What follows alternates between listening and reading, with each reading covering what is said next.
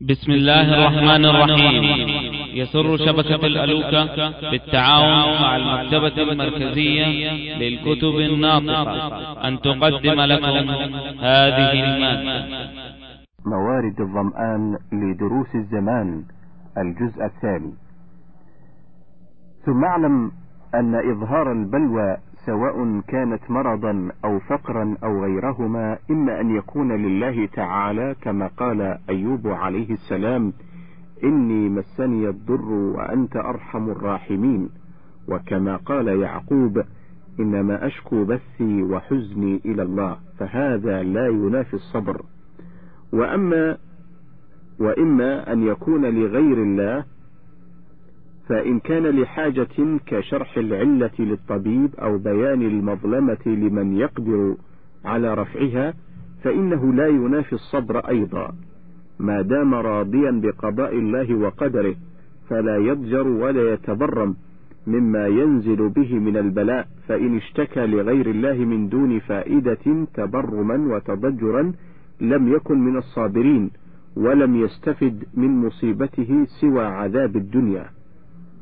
فإن كان للتسلي أو المواساة فلا بأس شعرا وأبثث عمرا بعض ما في جوانحي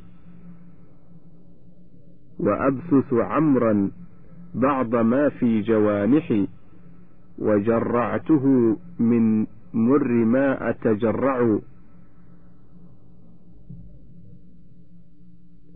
وأبثث عمرا أو عمرا بعض ما في جوانحي وجرعته من مر ما أتجرع ولا بد من شكوى إلى ذي حفيظة يواسيك أو يسليك أو يتوجع.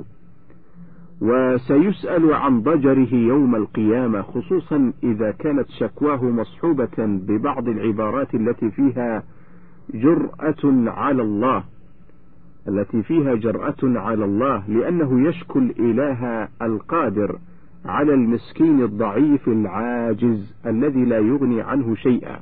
كما قيل وإذا شكوت إلى ابن آدم إنما تشكو الرحيم إلى الذي لا يرحم. فتجد بعض الناس كثيرا فتجد بعض الناس كثير التشكي إلى الناس يستأنس بالشكوى ويتلذذ بها كما قيل تلذ له الشكوى وإن لم يجد بها صلاحا كما يلتذ بالحك أجرب. فالجاهل يشكو الله إلى الناس وهذا غاية الجهل بالمشكو والمشكو إليه. فإنه لو عرف ربه لما شكاه ولو عرف الناس لما شكا إليهم لأنهم مساكين عاجزون. وربما كانوا من المتشمتين الذين يفرحون عليه ويفرحون بموته. ولا تشكو ولا تشكي إلى خلق لتشمت لتشمته.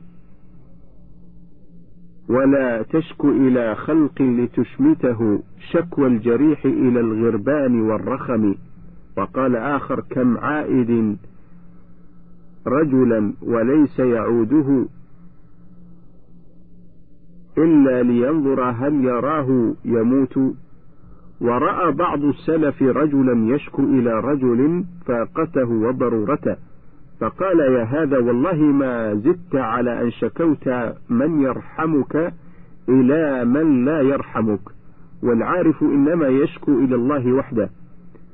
وأعرف العارفين من جعل شكواه إلى الله من نفسه لا من الناس فهو يشكو من موجبات تسليط الناس عليه. فهو ناظر إلى قوله تعالى وما أصابكم من مصيبة فبما كسبت أيديكم وقوله تعالى وما أصابك من سيئة فمن نفسك وقوله أولما أصابتكم مصيبة قد أصبتم مثليها قلتم أن هذا قل هو من عند أنفسكم فالمراتب ثلاث أخسها أن تشكو الله إلى خلقه وأعلاها أن تشكو نفسك إليه وأوسطها أن تشكو خلقه إليه. انتهى. قال بعضهم ويمنعني شكواي للناس أنني عليل ومن أشكو إليه عليل. ويمنعني شكواي لله إنه عليم بما أشكوه قبل أقول.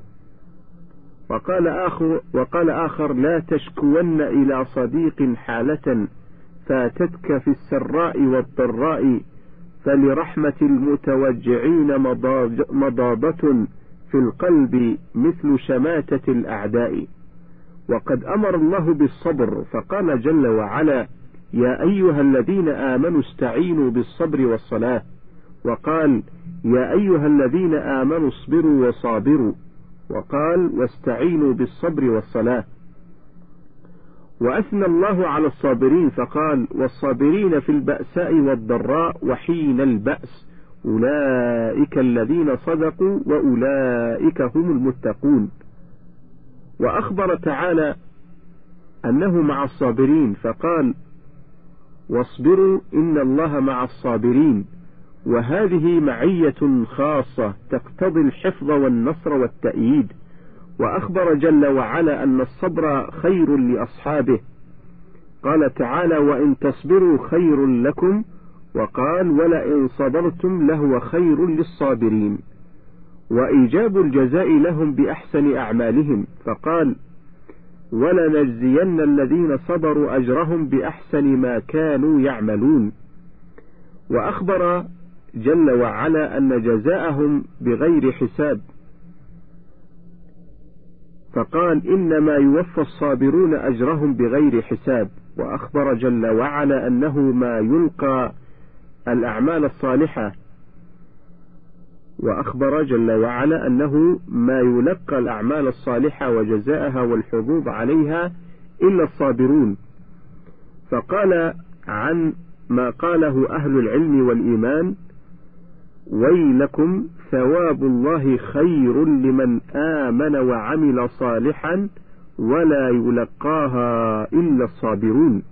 وأخبر جل وعلا أنه ما يلقى الخصلة الطيبة التي هي دفع النفس التي هي دفع السيئة بالحسنة إلا الذين صبروا. فقال وما يلقاها إلا الذين صبروا. الآية. والصبر أنواع صبر على طاعة الله بالمحافظة عليها دواما وبرعايتها إخلاصا ومن الصبر على طاعة الله بر الوالدين ما دام موجودين وعدم التضجر والتأفف منهما واحتمال الأذى من القريب والجار والصديق والزميل ومنه صبر الأساتذة على الطلبة واحتمال التعب في ذلك. وكذلك الأطباء المستقيمون المخلصون في معالجة المرضى. وصبر الغني على إخراج زكاته بدقة وصبر المريض والمسافر على الصلاة والطهارة لها. وصبر المجاهد والمتعلم الصادق في طلبه للعلم والحاج والساعي على الأرامل والمساكين. ومن مشقة السفر وعناء الطلب ومكافحة الأعداء والصبر عن الأمر بالمعروف والنهي عن المنكر وقول الحق وإن كان مرا ومساعدة الضعيف والعاجز والعدل في الحكم وحفظ الأمانة والإنصاف من النفس والأقارب ومواصلة السعي فيما يرضي الله عز وجل وحسن الخلق وإناس المسلم الغريب والصمت عن الكلام إلا فيما يعود إليك نفعه ومراقبة الله فيما يقوله ويفعله ودوام الشكر لله وصرف نعمه في طاعته واحترام أهل الدين وتقديرهم والذب عن عن أعراضهم إذا انتهكت والصبر على الأولاد والأهل وحثهم على الصلاة والزكاة وسائر الطاعات. والله أعلم وصلى الله على محمد وآله وصحبه وسلم. فصل. النوع الثاني الصبر عن معصية الله خوفا من الله ورجاء ثوابه وحياء من الرب جل وعلا أن يستعان بنعمه على معاصيه. فالصبر عن المعاصي لازم لسعادة الإنسان في دنياه وآخرته. فإن الله نهى عباده عن الفحشاء والمنكر ليعيشوا في هذه الحياة الدنيا مطمئنين. لا ينال أحدهم من عرض أخيه بالقول والفعل ولا يعتدي أحدهم على غيره في ماله وبدنه ولا تغرهم الحياة الدنيا وزينتها. فيسعون في الأرض فسادا من أجل الحصول على لذاتها المضمحلة الفانية وشهواتها الخداعة الفاسدة. فمن يصبر على ضبط لسانه عن الكلام المحرم فلا يغتاب ولا ينم ولا ينافق بالقول ولا يكذب ولا يساعد بقوله ظالما ولا يجادل بالباطل ولا يسخر بالمسلمين ولا يحلف إلا بالله صادقا ولا يقذف مسلما ولا يخاصم ليقطع حق مسلم ولا يشهد بالزور ولا يؤذي مسلما بالفحش والبذاء فإنه بذلك يتقي آفات لسانه التي تفضي بالمرء إلى الهلاك. ومن يصبر على حفظ فرجه فلا يستعمله إلا فيما أحله الله عملا بقوله تعالى والذين هم لفروجهم حافظون إلا على أزواجهم أو ما ملكت أيمانهم فإنهم غير ملومين. فإنه بذلك ينجو من شر غوائل الزنا واللواط. وكان أمينا على سلامة عرضه وحفظه من الضياع. ومن صبر وربط عقله عند غضبه فلا يبطش بيده ولا يحقد بقلبه. وقد ضبط لسانه فقد سلم من مظالم خلق الله. وكان مسلما حقا كما قال صلى الله عليه وسلم المسلم من سلم المسلمون من لسانه ويده ومن صبر عما عما يملكه من الشهوات ومن صبر عما لا يملكه من الشهوات واللذات فقد نجا من ألم الحسد والحقد وظفر بسكون النفس وطم وطمأنينتها وراحتها وهكذا في كل ما نهى الله عنه سواء كان متعلقا بحقوق الله أو حقوق خلقه. شعرا أيا صاحبي إن رمت أن تكسب العلا وترقى إلى العلياء غير مزاحم. عليك بحسن الصبر في كل حالة فما صابر فيما يروم بنادم. النوع الثالث الصبر على أقدار الله المؤلمة رجاء ثوابه. قال ابن القيم رحمه الله الصبر على طاعة الله والصبر عن معصية الله. صبر على ما يتعلق بالكسب والصبر على امتحان الله. صبر على ما لا كسب للعبد فيه. قال وسمعت شيخ الإسلام ابن تيمية قدس الله روحه يقول كان صبر يوسف عن مطاوعة امرأة العزيز على شأنها أكمل من صبره على إلقاء إخوته له في الجب. وبيعه وتفريقهم بينهم وبين أبيه. فإن هذه الأمور جرت عليه بغير اختياره لا كسب له فيها. ليس للعبد فيها حيلة غير الصبر. وأما صبره عن المعصية فصبر اختيار ورضا ومحاربة للنفس ولا سيما مع الأسباب التي تقوى معها دواعي الموافقة. فإنه كان شابا وداعية الشباب إليها قوية وعزبا ليس له ما يعوضه ويرد شهوته وغريبا والغريب لا يستحي في بلد غربته مما يستحي منه من ما من بين أصحابه ومعارفه وأهله ومملوكا. والمملوك أيضا ليس وازعه كوازع الحر والمرأة جميلة وذات منصب وهي سيدته وقد غاب الرقيب وهي الداعية إلى نفسها والحريصة على ذلك أشد الحرص ومع ذلك توعدته بالسجن إن لم يفعل والصغار ومع هذه الدواعي كلها صبر اختيارا وإيثارا لما عند الله. وأين هذا؟ من صبره في الجب على ما ليس من كسبه. وكان يقول الصبر على أداء الطاعات أكمل من الصبر على اجتناب المحرمات. وأفضل الصبر على أداء الطاعات أكمل من الصبر على اجتناب المحرمات وأفضل فإن مصلحة فعل الطاعة أحب إلى الشارع من مصلحة ترك المعصية ومفسدة عدم الطاعة أبغض إليه وأكره من مفسدة وجود المعصية. انتهى. قال الإمام أحمد رحمه الله ذكر الله سبحانه أو ذكر الله سبحانه الصبر في القرآن في, تس في تسعين موضعا. انتهى. وهي أنواع. منها تعليق الإمامة في الدين به وباليقين. منها تعليق الإمامة في الدين به وباليقين. قال قال الله تعالى وجعلناهم أئمة يهدون بأمرنا لما صبروا وكانوا بآياتنا يوقنون. فبالصبر واليقين تنال الإمامة في الدين ومنها ظفرهم بمعصية الله ومنها ظفرهم بمعية الله سبحانه لهم. قال تعالى إن الله مع الصابرين.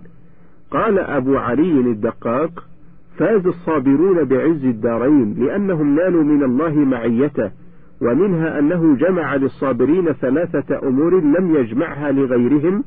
وهي الصلاة منه عليهم ورحمته لهم وهدايته إياهم. قال تعالى وبشر الصابرين الذين إذا أصابتهم مصيبة قالوا إنا لله وإنا إليه راجعون. أولئك عليهم صلوات من ربهم ورحمة وأولئك هم المهتدون. وقال بعض السلف وقد عزي على, على مصيبة نالته فقال ما لي لا أصبر وقد وعدني الله على الصبر ثلاث خصال كل خصلة منها خير من الدنيا وما عليها ومنها أنه سبحانه أباح لهم أن يعاقبوا على ما عوقبوا به ثم أقسم قسما مؤكدا غاية التأكيد أن صبرهم خير لهم فقال وإن عاقبتم فعاقبوا بمثل ما عوقبتم به ولئن صبرتم لهو خير لهو خير للصابرين. فتأمل هذا التأكيد بالقسم المدلول عليه بالواو ثم باللام بعده ثم باللام التي في الجواب. ومنها أنه سبحانه حكم بالخسران حكما عاما على كل من لم يؤمن ولم يكن من أهل الحق والصبر. وهذا يدل على أنه لا رابح سواهم. فقال تعالى والعصر إن الإنسان لفي خسر إلا الذين آمنوا وعملوا الصالحات وتواصوا بالحق وتواصوا بالصبر. ولهذا قال الشافعي لو فكر الناس كلهم في هذه السورة لوسعتهم. وذلك أن العبد كما له في تكميل آه، قوته قوة العلم وذلك أن العبد كما له في تكميل قوتيه قوة العلم وقوة العمل وهما الإيمان والعمل الصالح وهما الإيمان والعمل الصالح. وكما هو محتاج إلى تكميل نفسه فهو محتاج إلى تكميل غيره. وهو التواصي بالحق والتواصي بالصبر. وأخية ذلك وقاعدته وساقه الذين يقومون عليه إنما هو الصبر. وأخية ذلك وقاعدته وساقه الذين يقوم عليه إنما هو الصبر. ومنها أنه سبحانه خص أهل الميمنة بأنهم أهل الصبر والمرحمة الذين قامت بهم هاتان الخصلتان ووصوا بها غيرهم فقال تعالى ثم كان من الذين آمنوا وتواصوا بالصبر وتواصوا وتواصوا بالمرحمة أولئك أصحاب الميمنة. وهذا حصر لأصحاب الميمنة في من قام به هذان الوصفان والناس بالنسبة إليها أربعة أقسام هؤلاء خير الأقسام. وشرهم من لا صبر له ولا رحمة فيه. وشرهم من لا صبر له ولا رحمة فيه. ويليه من له صبر ولا رحمة عنده. ويليه القسم الرابع وهو من له رحمة ورقة ولكن لا صبر له. وقال إن الإنسان لا يستغني عن الصبر في حال من الأحوال فإنه بين أمر يجب عليه امتثاله وتنفيذه ونهي يجب عليه اجتنابه وتركه وقدر يجري عليه اتفاقا وقدر يجري عليه اتفاقا ونعمة يجب شكر المنعم عليها. وإذا كانت هذه الأحوال لا تفارقه فالصبر لازم له إلى الممات. اللهم نور قلوبنا بنور الإيمان وثبتها على قولك الثابت وثبتها على قولك الثابت في الحياة الدنيا وفي الآخرة. واجعلنا هداة مهتدين وتوفنا مسلمين وألحقنا بعبادك الصالحين يا أكرم الأكرمين ويا أرحم الراحمين. وصلى الله على محمد وعلى آله أجمعين.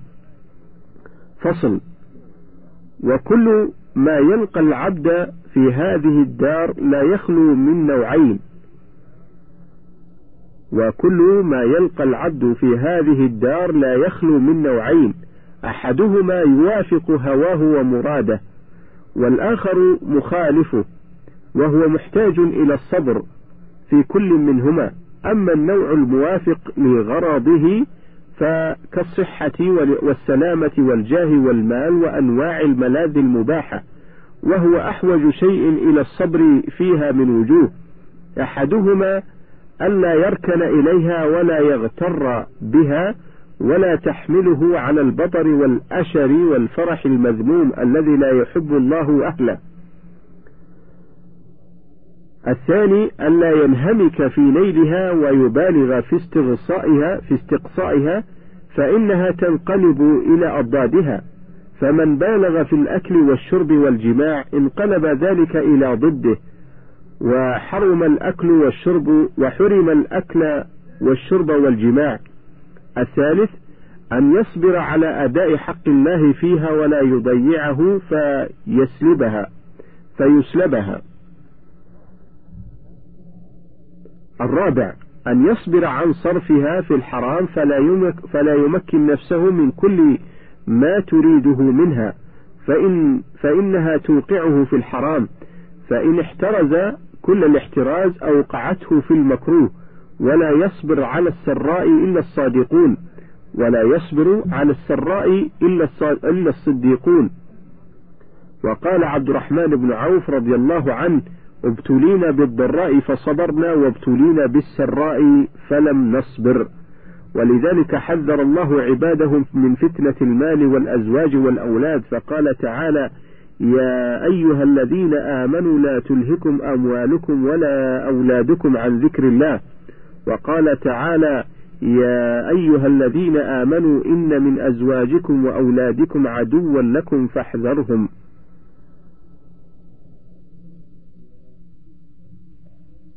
يا أيها الذين آمنوا إن من أزواجكم وأولادكم عدوا لكم فاحذروهم.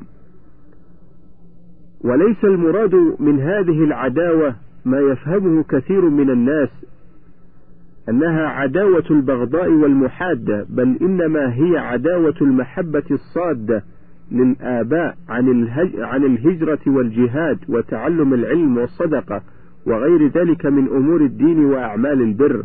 كما في جامع الترمذي من حديث إسرائيل حدثنا سماك عن عكرمة عن ابن عباس وسأله رجل عن هذه الآية يا أيها الذين آمنوا إن من أزواجكم وأولادكم عدوا لكم فاحذروهم.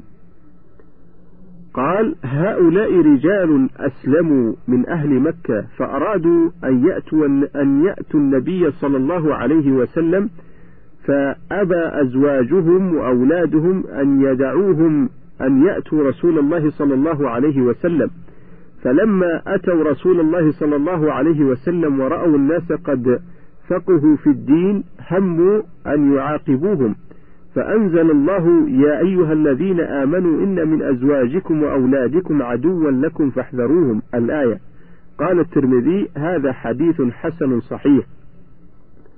وما أكثر ما فات العبد من الكمال والفلاح بسبب زوجته وولده وفي الحديث الولد مبخلة مجبنة وقال الإمام أحمد حدثنا زيد بن. آه ابن الحباب أو الحباب قال حدثني زيد بن واقد قال حدثني عبد الله بن بريدة قال سمعت أبي يقول كان رسول الله صلى الله عليه وسلم يخطبنا فجاء الحسن والحسين عليهما قميصان أحمران يمشيان ويعثران. فنزل رسول الله صلى الله عليه وسلم عن المنبر فحملهما فوضعهما بين يديه ثم قال صدق الله إنما أموالكم وأولادكم فتنة. نظرت إلى هذين الصبيين يمشيان ويعثران فلم أصبر حتى قطعت حديثي ورفعتهما. وهذا من كمال رحمته صلى الله عليه وسلم ولطفه بالصغار وشفقته عليهم وهو تعليم منه للأمة الرحمة والشفقة واللطف واللطف بالصغار. وإنما كان الصبر على السراء وإنما كان الصبر على السراء شديدا لأنه مقرون بالقدرة والجائع عند غيبة الطعام أقدر منه على الصبر عند حضوره وكذلك الشبق عند غيبة المرأة أصبر منه عند حضورها. مشقة الصبر بحسب قوة الداعي إلى الفعل وسهولته على العبد.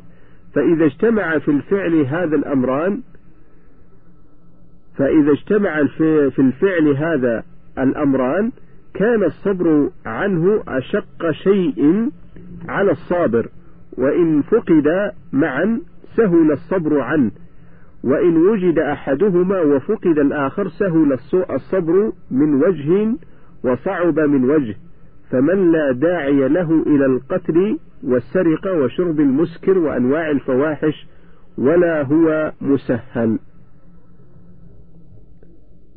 فصبره عنه من أيسر شيء وأسهله ومن اشتد داعيه إلى ذلك وسهل عليه فعله فصبره عنه أشق شيء عليه. ولهذا كان صبر السلطان عن الظلم وصبر الشاب عن الفاحشة وصبر الغني عن تناول الأذات اللذات والشهوات عند الله بمكان. وفي المسند وغيره عن النبي صلى الله عليه وسلم عجب ربك من شاب ليست له صبوة ولذلك استحق السبعة المذكورون في الحديث الذين يظلهم الله في ظله في ظل عرشه لكمال صبره ومشقته.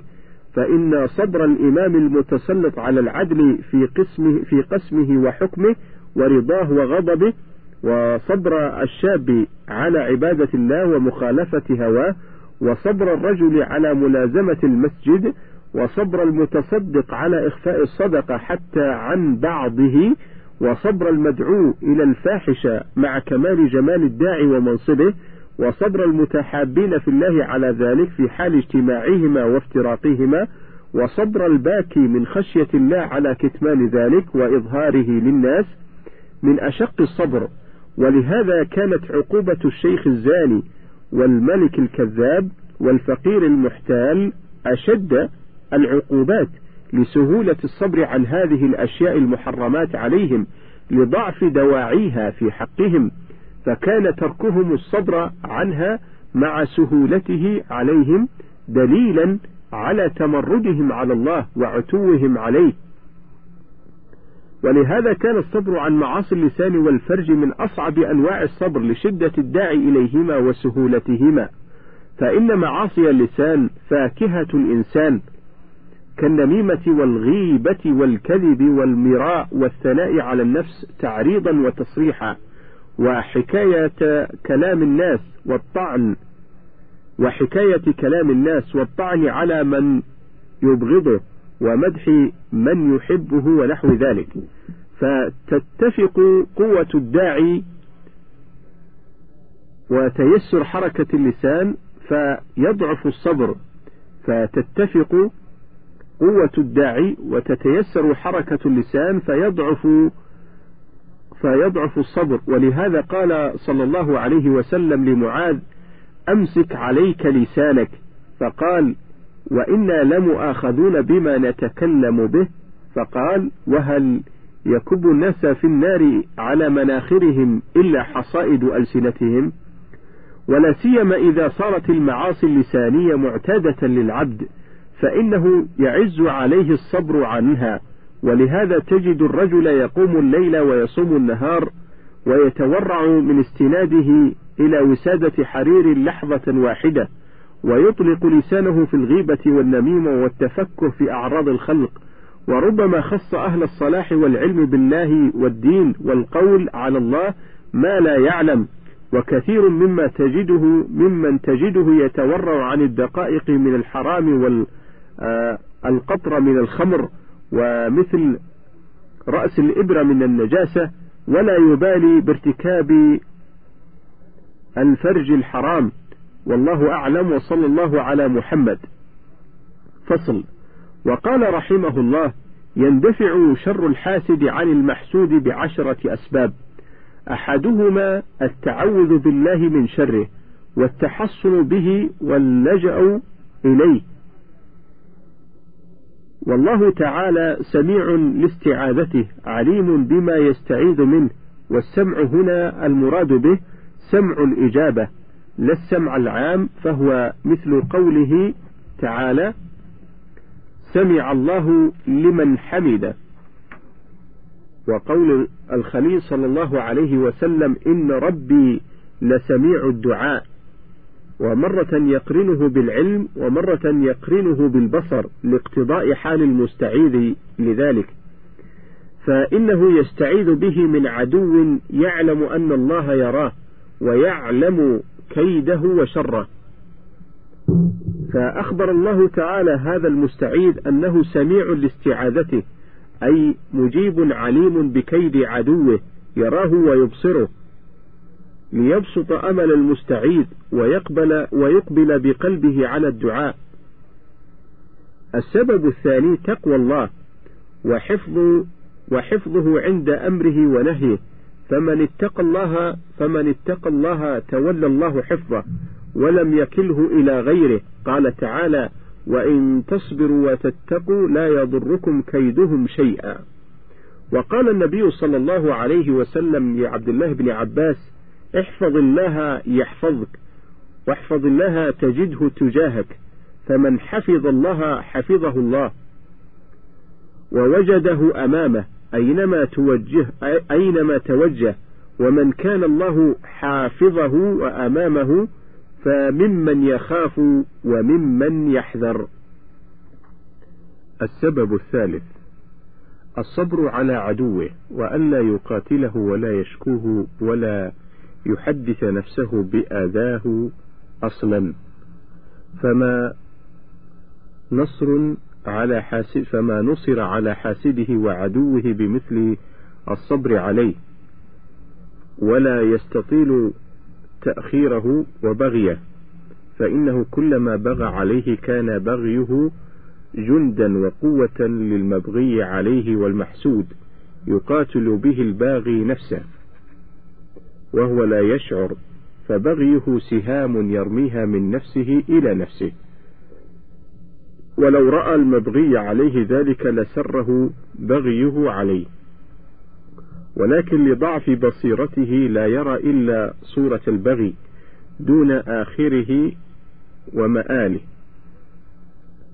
وقد قال تعالى ومن عاقب بمثل ما عوقب بما عوقب ومن عاقب بمثل ما عوقب به ثم بغى عليه لينصرنه الله.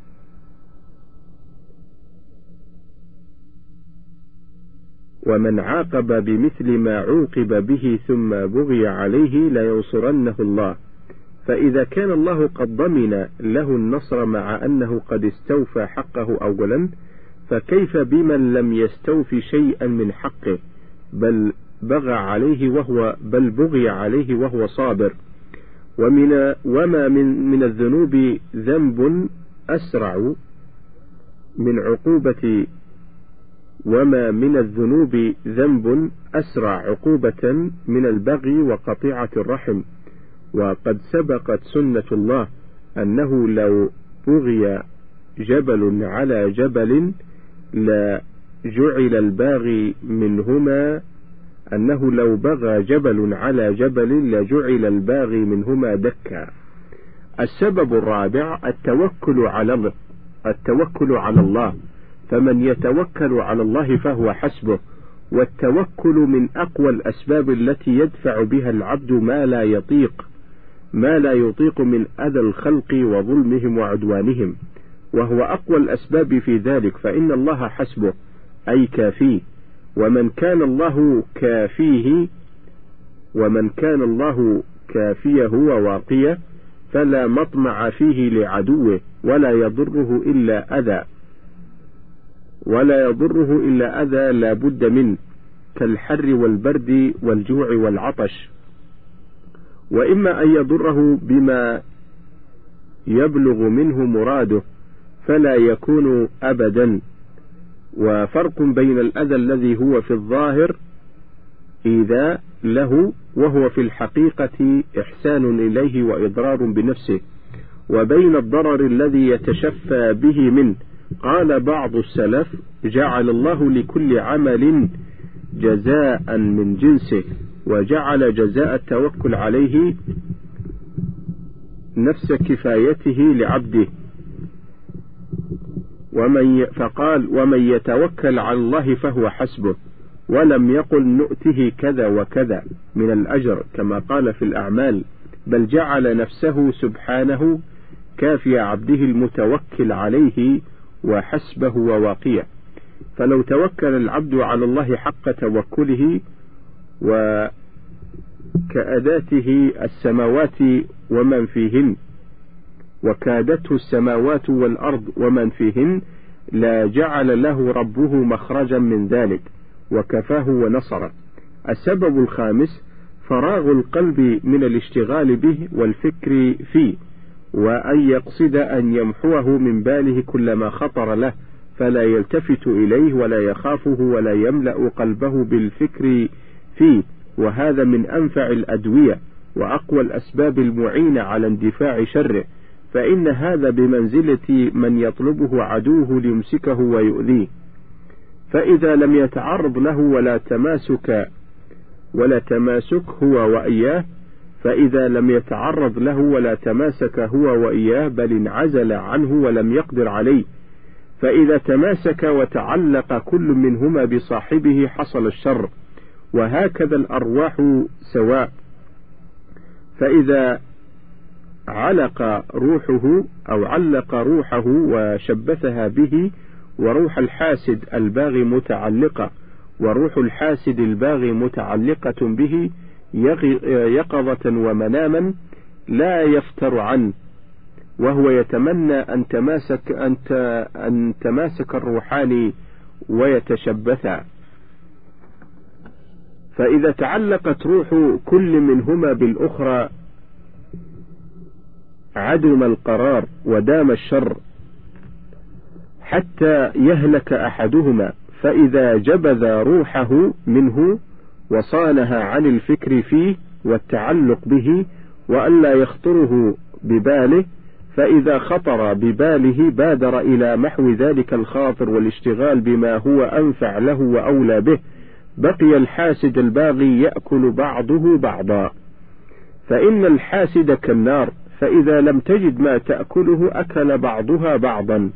وهذا باب عظيم وهذا باب باب عظيم النفع لا يلقاه إلا أصحاب النفوس الشريفة والهمم العالية وبين الكيس الفطن وبينه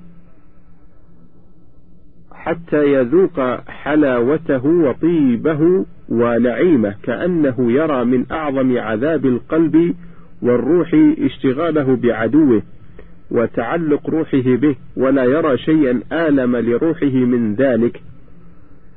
ولا يصدق بهذا إلا النفوس المطمئنة الوادعة اللينة التي رضيت بوكالة الله لها وسكنت إليه واطمأنت به وعلمت أن ضمانه حق ووعده صدق وأنه لا أوفى بعهده من الله ولا أصدق منه قيل فعلمت أن نصره لها أقوى وأثبت وأدوم وأعظم فائدة من نصرها هي لنفسها أو نصر مخلوق مخلوق مثلها لها ولا يقوى على هذا إلا بالسبب السادس وهو الإقبال على الله والإخلاص له وجعل محبته ورضاه والإنابة إليه في محل خواطر نفسه وأمانيها تدب فيها أو تدب فيها دبيب تلك الخواطر شيئا فشيئا. حتى يقهرها ويغمرها ويذهبها بالكلية. فتبقى خواطره وهواجزه وهواجسه وأمانيه كلها في محاب الرب والتقرب إليه وتمليقه وترضيه واستعطافه وذكره كما يذكر المحب التام المحبة كما يذكر المحب التام المحبة محبوبه المحسن إليه الذي قد امتلأت جوانحه من حبه فلا يستطيع قلبه انصرافا عن ذكره ولا روحه انصرافا عن محبته. فإذا صار كذلك فكيف يرضى لنفسه أن يجعل بيت أفكاره وقلبه معمورا بالفكر في حاسده والباغي عليه والطريق إلى الانتقام منه والتدبير عليه؟ هذا ما لا يتسع له إلا قلب خراب. لم تسكن فيه محبة الله وإجلاله وطلب مرضاته. بل إذا مسه طيف من ذلك واجتاز ببابه من خارجه ناداه حرس قلبه إياك وحمى الملك اذهب إلى بيوت الخانات التي كل من جاء حل فيها ونزل بها ما لك ولبيت السلطان الذي أقام عليه الليزك وأدار عليه الحرس وأحاطه بالسور. قال تعالى حكاية عن عدوه إبليس أنه قال فبعزتك لأغوينهم أجمعين إلا عبادك منهم المخلصين. فقال تعالى إن عبادي ليس لك عليهم سلطان. وقال إنه ليس له سلطان على الذين آمنوا وعلى ربهم يتوكلون. إنما سلطانه على الذين يتولونه والذين هم به مشركون. وقال في حق الصديق يوسف صلى الله عليه وسلم كذلك لنصرف عنه السوء والفحشاء إنه من عبادنا المخلصين.